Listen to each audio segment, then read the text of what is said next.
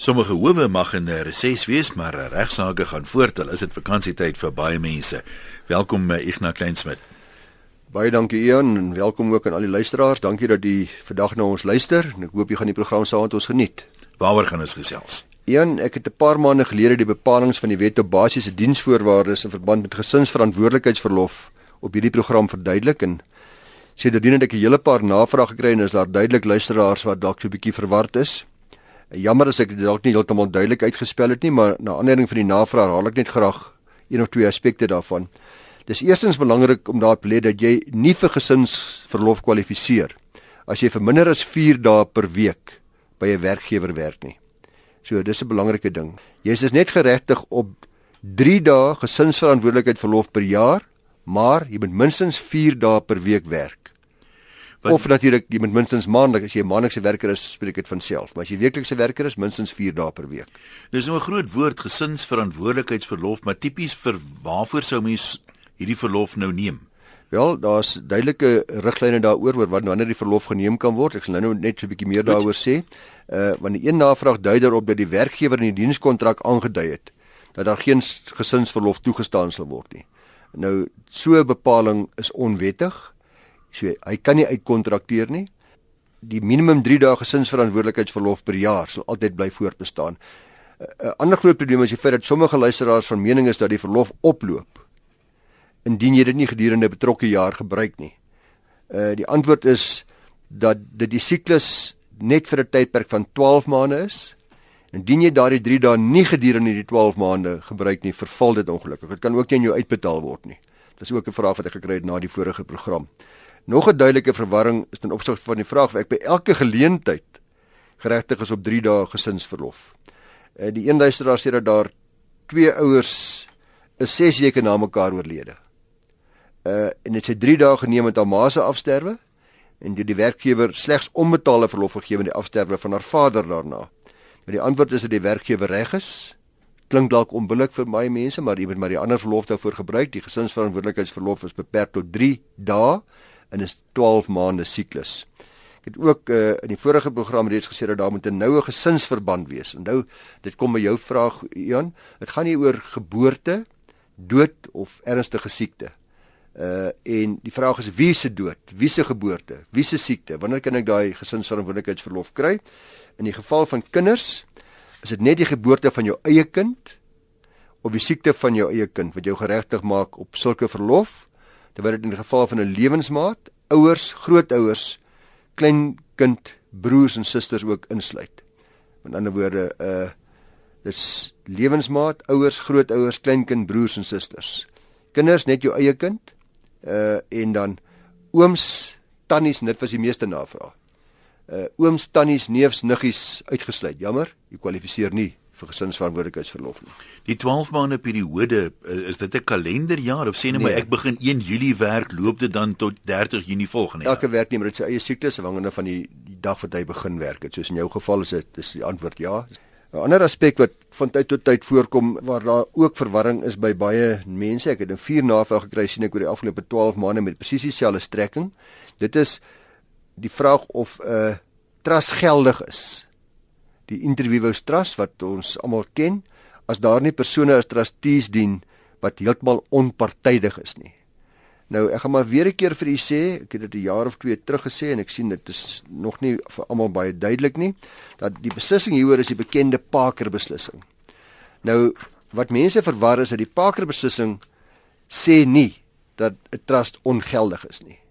Die Parker beslissing het regter Cameron wat allerweer beskou word as 'n deskundige op die gebied van trusreg. In 2004 reeds seker sekere obiter opmerkings gemaak oor die samestelling van die trustees van 'n trust. Nou obiter beteken dat dit nie deel van die hofuitspraak is nie, die werklike uitspraak nie. Ja, dit het nie 'n verskil gemaak in die hofuitspraak nie, uh, of die uitkoms van die hof se beslissing nie. Dis 'n bykomende opmerking wat gemaak is. Eh, gevolglik is howe in die toekoms nie gebonde aan so 'n deel van die uitsprake as jy na ons presidentestelsel kyk nie. Nietemin lewer obiter opmerkings dikwels baie waardevolle en belangrike bydraes tot die ontwikkeling van ons reg, soos ook in hierdie geval toe inderdaad gebeur het. Want regter Cameron aangedui dat 'n familietrust altyd een onafhanklike trustee, luister na die woorde, behoort te hê. behoort te hê, nie moet hê nie. Nie moet hê nie. Uh sedertdien, maar nou nou nou kom die maar. Maar sedertdien, die meester het hierna geluister van die Hooggeregshof, van die Hoërhof en hy het dit toe besluit. Hy het 'n diskresie om trustees aan te stel. Hy stel trustees aan en hy het na aandering van daardie uitspraak het die meester van die hof by die registrasie van trust besluit om 'n benadering te volg dat daar 'n onafhanklike trustee vereiste sal wees. So dit beteken alhoewel die hof nooit so gesê het nie, daar's nie 'n regsbeginsel wat so sê nie, het die meester na hierdie uh uitspraak geluister, die redes daarvoor oorweeg en sê wie wat, die regter Cameron is reg. Ek gaan in my diskresie wat ek uitoefen in die toekoms, uh gaan ek vereis dat daar 'n onafhanklike trustee moet wees by toekomstige trust. Nou, dis in elk geval uit 'n belastingoogpunt 'n baie goeie idee, luisteraars, om liewer 'n onafhanklike trustee te hê. Uh so byvoorbeeld sal die kanse baie skraler wees dat die ontvanger van ons inkomste uh artikel 3 subartikel 3 van die boedelbelastingwet kan toepas om te argumenteer dat trustbates eintlik maar volgens die manier hoe die oorledene dit hanteer het eintlik maar bates van die oorledene was dat dit daar 'n boedelbelasting moet betaal. Uh dit is daai alter ego beginsel wat sê wie wat hierdie trust van jou Ignas of, of Ion of wie ook nogal is eintlik maar jouself. Want dis eintlik jy jy jy hanteer die hele ding soos met 'n eysterhand. Jy moet neem die besluite, daar's geen onafhanklikheid nie. En dan kom die meester dan sê wie daai met jou afsterwe.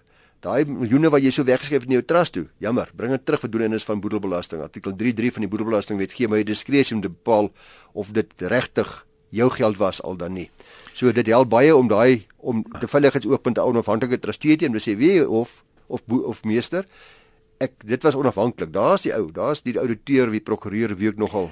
Ek wil net juist vra hoe sal 'n mens onafhanklik nou definieer? Kom ons gestel nou jy's my prokureur vir 20 jaar al uh, in daai opsig as 'n professionele persoon is jy onafhanklik, maar ons speel ook gereeld Saterdag golf en gaan jag af en toe saam. Ja, ja, ja, is jy ja. nog onafhanklik omdat ek jou goed nee. ken en ons soms sosiaal verkeer? Nêrens 'n definisie van hierdie onafhanklikheid nie as gevolg van die feit dat die hof nou nie om daaroor uitgelaat het nie, maar dit is sodat onafhanklikheid hierso nie na verwantskap verwys nie.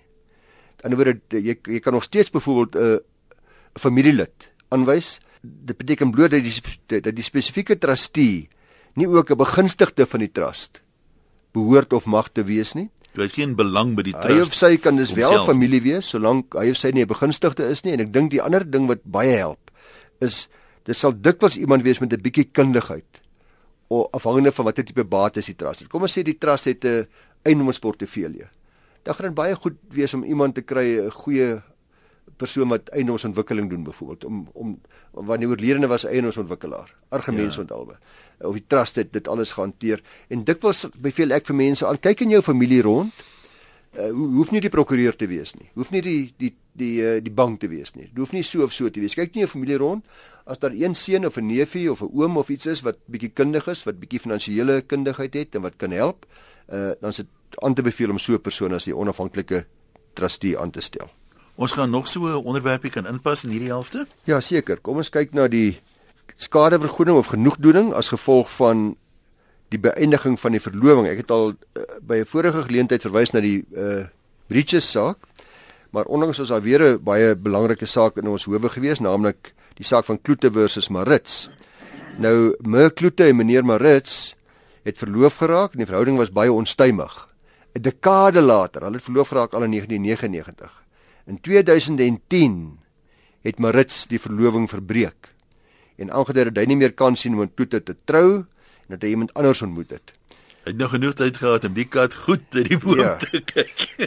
nou die die die die Toete Die eiseres in hierdie geval het toe nou 'n aksie teen meneer Marits ingestel en beweer dat sy weiering om met haar te trou die mondelingse ooreenkoms wat al 10 jaar vroeër aangegaan was tot niet gemaak het en dat hy homself skuldig gemaak het aan kontrakbreuk.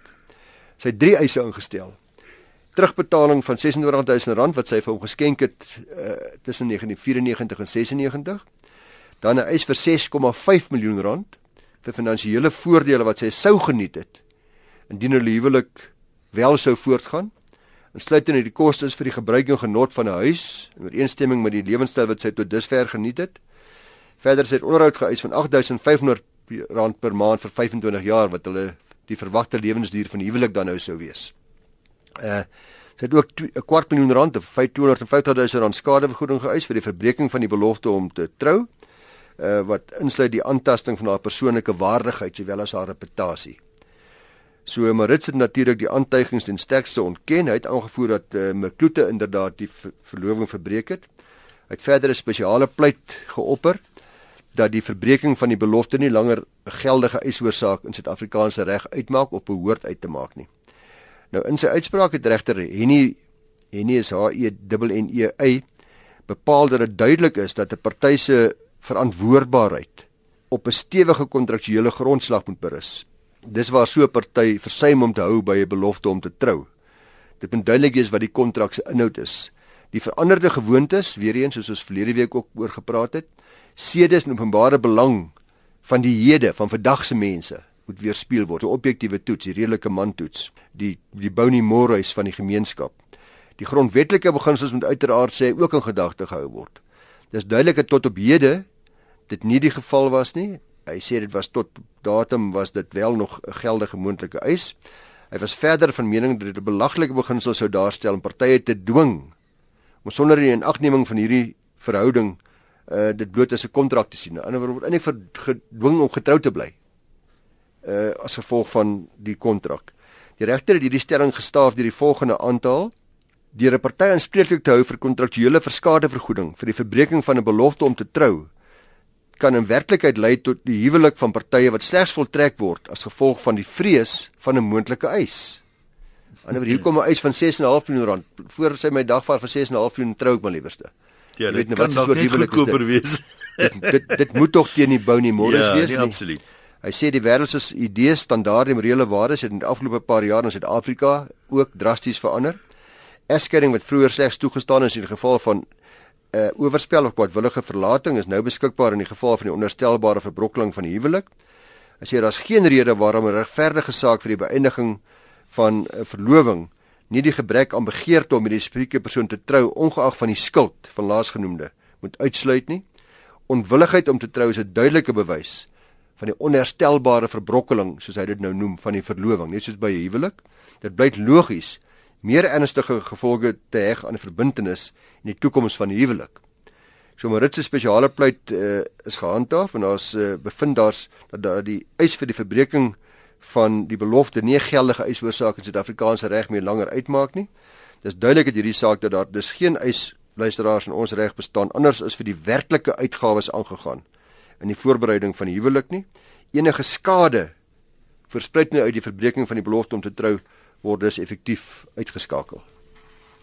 So so ja, goed dat daar nou duidelikheid daaroor is want ek sê dis weer eens een van daai emosionele aangeleenthede waar um, mense eintlik maar iemand in 'n sin probeer straf, né? Nee. Okay, jy het mos gesê nou wat so. Baie waar, baie waar. En waaroor gaan ons in die tweede deel van regsaake gesels? Iets wat ons nog nooit hanteer het nie is en ons het baie luisteraars kom ek uit agter uit ons briewe. Ek dink altyd baie beïndruk met hoeveel Engelse luisteraars ons deesdae het. Een wat Engelse mense wat vir ons briefies skryf en ook vra dat ek die boek wat ons geskryf het moet vertaal, jy weet daai wat sê die prokureur.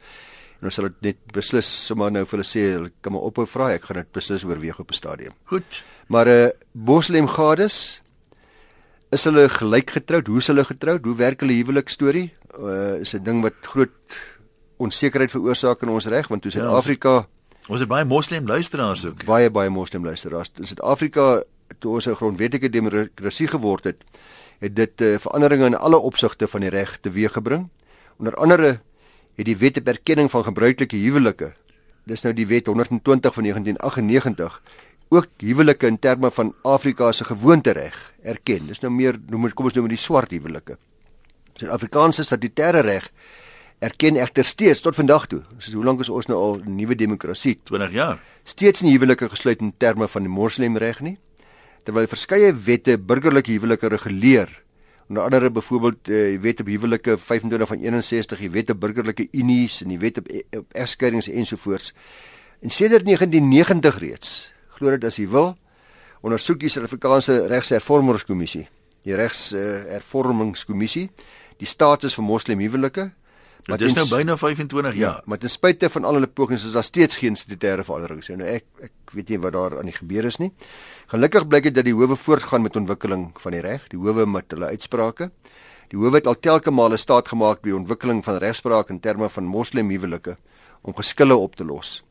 Moslimreg erken nie die huwelik binne gemeenskap van goed as jy standaard vir huwelike nie. Ons almal wat vandag luister as ons trou en ons het geen huweliksvoorwaarde kontrak nie, dan is ons outomaties getroud binne gemeenskap van goedere.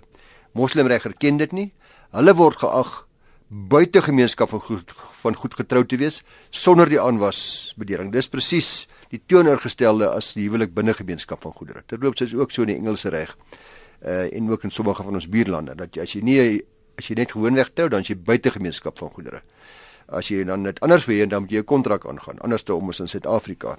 So elke party in die moslim huwelike behou dus eienaarskap van hulle eie bates en uh wat hulle bygedra het tot die huwelik kom terug na hulle toe die nie tasbare bydrae deur een persoon tot 'n boedel, soos die grootmaak van kinders of die instandhouding van die huis word ingevolge moslemreg nie geag as tasbare bydraes te wees. Soos ons in Suid-Afrikaanse reg is daar sekere aspekte waar dit tog 'n rol speel. 'n Moslemreg is ook geen moontlikheid van herverdeling of 'n universele vennootskapseis soos in die geval van siviele reg nie. Nou ek noem dit vir u, terloops hierdie artikel wat ek hier uit aanhaal, hierdie hierdie wyshede wat ek hier kwytraak, kom grootendeels uit artikel in ons regstydskrif Die Rebus van Desember 2013, 'n uitstekende artikel deur geskryf deur Sherry Breslow, sy is daarvan Fairbridge, 'n baie bekende en 'n goeie firma in Kaapstad. Sy sê daar's ook nie moontlikheid van 'n herverdeling of universele vennootskapseis soos in die geval van siviele reg nie. Om te demonstreer vinnig hoe die Suid-Afrikaanse regspraak help in die ontwikkeling van hierdie gebiede van die reg, hierdie moslem huweliksreg. Gaan ek gou vinnig vir julle kyk na 'n paar uitsprake. In Ismail versus Ismail in 1983 appelhofsaak het die hof beslis dat huwelike voltrek onder die islamitiese reg nie dieselfde status geniet as huwelik volgens siviele reg nie, want hierdie huwelik is potensieel poligamies en dis teen die openbare beleid. Dis wat die dis wat die islamitiese huwelik betref. In dieselfde jaar in die saak van Mola en ander versus Alsebroek boedel het die regter bevind dat moslimhuwelike pitatiewe huwelike is. Hierdie saak het daartoe bygedra was het 'n baie belangrike ontwikkeling gegee dat kinders gebore uit 'n moslimhuwelik geag word kinders gebore uit 'n geldige huwelik te wees. So nou was moslimkinders nie meer buiteegtelike kinders nie, maar dit was 'n uh, geldige huwelik kinders te wees. Sedertdien het die Children's Act in werking getree wat dan ook nou kinders gebore uit 'n moslimhuwelik as kinders gebore uit 'n wettige huwelik beskou omdat die definisie van 'n huwelik in die wet godsdienstige huwelike insluit en godsdienstige huwelike, moslim huwelik word dan ook beskou as 'n godsdienstige huwelik. Solomon versus Abrams in 1991 saak in die Wes-Kaap beslis die hof dat 'n pitatiewe huwelik nie tot stand kom tensy die partye 'n huwelikseremonie voltooi wat uitgevoer is soos 'n uh, deur die huweliksbeampte soos ons skryf in die wet op huwelike. Uh, maar belangrik, die hof sê dit sluit ook 'n imam. Imam is 'n I M A M, is die huweliksbevestiger van 'n moslim huwelik in. So weer eens belangrike ontwikkeling. En dan kom die grondwetlike hof, die konstitusionele hof in die staat versus Makwanyana en 'n ander in 1995 vir die eerste keer ook in die prentjie en hulle eh, en vir die eerste keer sê hulle dat die behoefte tot 'n agneming van tradisie, geloof en waardigheid moet erken word, as ook die feit dat die grondwet uitdruklik die situasie van regspluralisme gebaseer op godsdiens erken. So die hof erken hierso ook die die die behoefte dat tradisies in aanmerking geneem moet word. Geloof moet in aanmerking geneem word en waardigheid. Nie spesifiek betrek tot 'n moslim huwelik nie, maar jy kan dit natuurlik deurtrek na die moslim huwelik toe ook.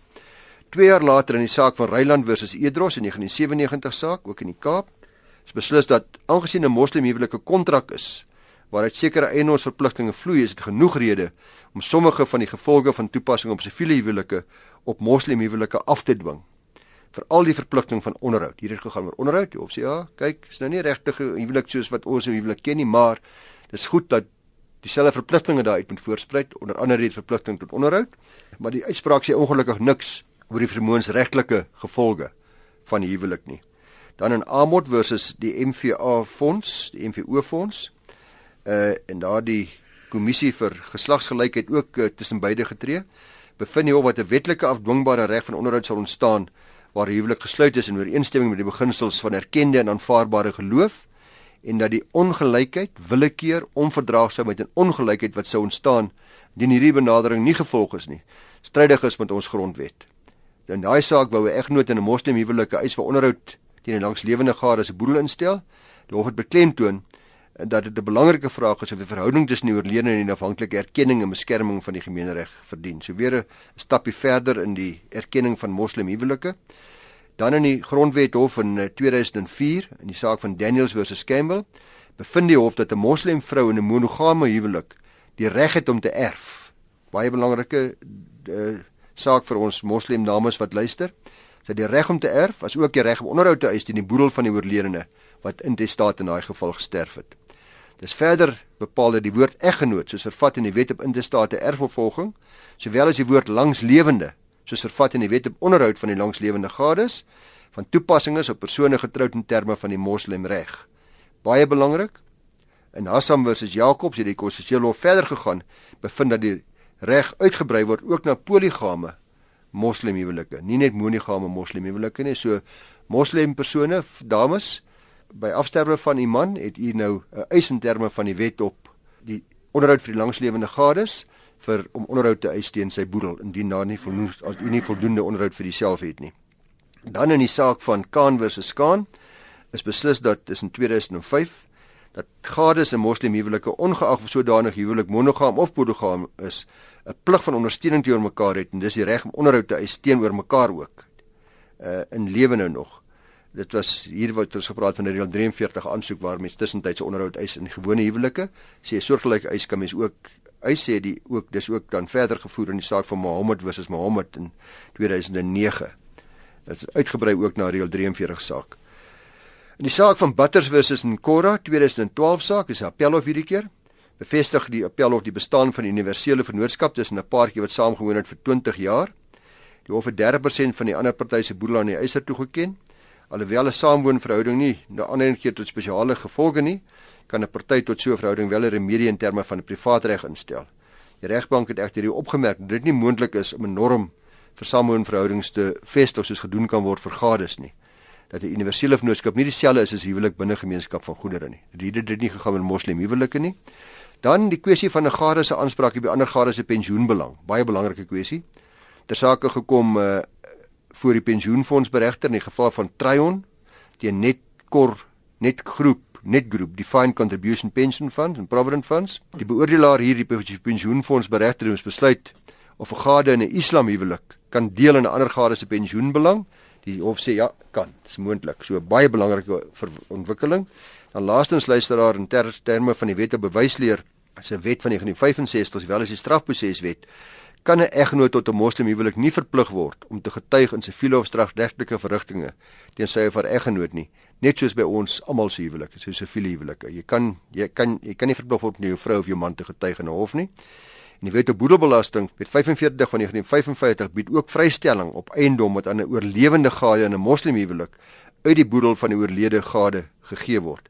Dis dis baie duidelik dat die howe baie ernstige pogings aanwend hier aan luisteraars om die regte van moslimgades uit te brei sodat hulle dieselfde regte as partye tot 'n siviele of gebruikelike huwelik kan geniet. Dan ook baie ander goeie nuus uh, vir al ons moslim luisteraars. 'n Nuusbrief van Barry Botha in Breitenberg, uh, my goeie vriend Piet Fourie se firma. Dit 'n uitstekende artikel raak glo wat handel met die ongelykhede wat sekere moslim vrouens en kinders in die gesig staar as gefeit dat daar nou meer as 300 jaar teen hulle gediskrimineer word omdat hulle tradisionele geloofshuwelike nie in terme van ons reg erken word nie. So uh, vir eeu ek het nou reeds vir gesê vir lank kon hulle nie in die staat nie. Hulle kan nou, hulle kon nie onderhoud eis nie, hulle kan nou. Die eerste vir alles was dat hulle kinders was lank buiteegtelik. Hulle kinders is nou binneegtelik. Die goeie nuus volgens die artikel is dat daar op 30 April 2014 meer as 100 imams, dis moslem geestelikes as huweliksbeamptes in terme van die wet op huwelike aangestel is. So ek het nou net vir gesê as so beampte jy aanstel, dan is die kinders binne egtelik. As as as so as jy 'n huwelik tree met ja, wat 'n ja. imam jou getrou het. So daar's nou baie meer, daar was baie min gewees. Daar's nou meer as 100 nuus aangestel wat hulle dus nou in staat stel om moslim geloofshuwelike in terme van die wet te voltrek en dan ook te registreer. Sulke huwelike word dan ook op die nasionale bevolkingsregister register ingeskryf en word as wetlike status en erkenning gegee in lyn met die vereistes van Sharia. Nou Sharia is die islamitiese wetgewing uh, wat hierop van toepassing is. Sommige die hele mond vol vir ons moslim luisteraars. Ek nou ons gaan uh, nie nog tyd hê nie. Ek sê vir jou soos altyd baie dankie en uh, geniet die groot dae, soos hulle sê. Baie dankie Jan en sterkte aan ons luisteraars en ook 'n wonderlike geseënde tyd vir julle almal.